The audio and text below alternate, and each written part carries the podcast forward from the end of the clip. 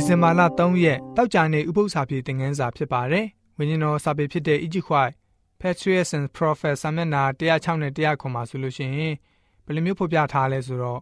မှားယွင်းခဲ့ပြီးတော့တတဝါအလုံးခံစားခဲ့ရတဲ့အပြစ်ကြွေးအတွက်ဖျားရှင်ဟာ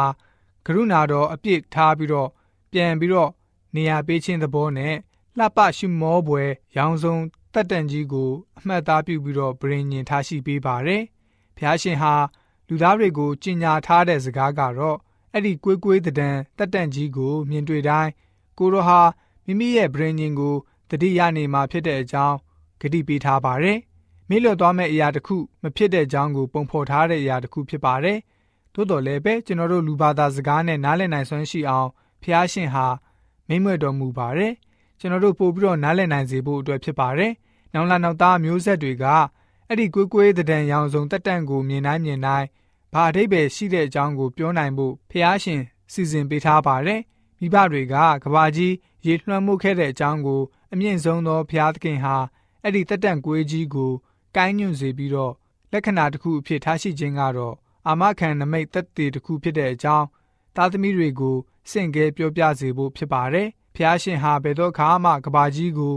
ရေနဲ့မလွှမ်းမိုးစေတော့တဲ့အကြောင်းသက်သေဖြစ်ပါတယ် ဒီလိုနဲ့မျိုးဆက်တစ်ဆက်ပြီးတစ်ဆက်အဲ့လိုဖျားရှင်မြတ်တာတော်အကြောင်းကိုလက်ဆက်ကမ်းပြောကြားပြီးတော့ဖျားရှင်ကိုပို့ပြီးတော့ယုံကြည်စိတ်ချမှုကိုတောင့်တင်းခိုင်မာစေပါတယ်ဆိုပြီးတော့ဝိညာဉ်တော်စာပေကဖော်ပြလိုထားပါတယ်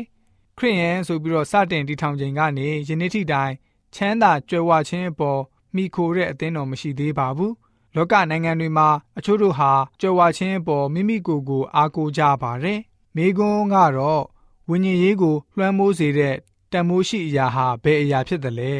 ကျွန်တော်တို့ဟာကြွယ်ဝခြင်းနဲ့ဥစ္စာပစ္စည်းချမ်းသာနေမယ်ဆိုရင်မိမိကိုယ်ကိုယ်သာအားကိုးနေပါလိမ့်မယ်ခရိယန်တွေဟာကိုကြိုးစွန့်ပြီးတော့ဆက်ကပ်ခြင်းကိုအလေးထားရတဲ့အကြောင်းရင်းကတော့ဘာကြောင့်လဲအချင်းအများစုကတော့စန့်ကျင်မဲ့သဘောရှိပါတယ်လူသားဆိုတာကပစ္စည်းဥစ္စာပိုင်ဆိုင်ခြင်းများလာလေလေကိုကိုကိုစိတ်ကျင်တဲ့လေလေဖြစ်ပါတယ်ပစ္စည်းဥစ္စာနဲလေလေဖျားကိုပို့ပြီးတော့ကိုးစားမိခိုလေလေဖြစ်ပါတယ် ချမ်းသာကြွယ်ဝခြင်းနဲ့ပစ္စည်းဥစ္စာတွေဟာဘလောက်ပဲသင်ပိုင်ဆိုင်ရစေကမူဝိညာဉ်ရေးရာအတွက်အန္တရာယ်ရှိတဲ့ထောင်ချောင်းဖြစ်စေပါလိမ့်မယ်ဆိုပြီးတောက်ကြနေဥပု္ပ္ပစာဖြစ်တဲ့ငန်းစာကဖော်ပြပေးထားပါတယ်ဥပု္ပ္ပစာဖြစ်တဲ့ငန်းစာ30ကတော့ဒီလောက်ပဲဖြစ်ပါတယ်ဥပု္ပ္ပစာဖြစ်အစီအစဉ်တစ်ဆက်သူကျွန်တော်ဆဆောက်ပါကျမ်းသာတော်သူရောက်စီတိုင်းဝိညာဉ်ခွန်အားနဲ့ပြေဝကြပါစေကျေးဇူးတင်ပါတယ်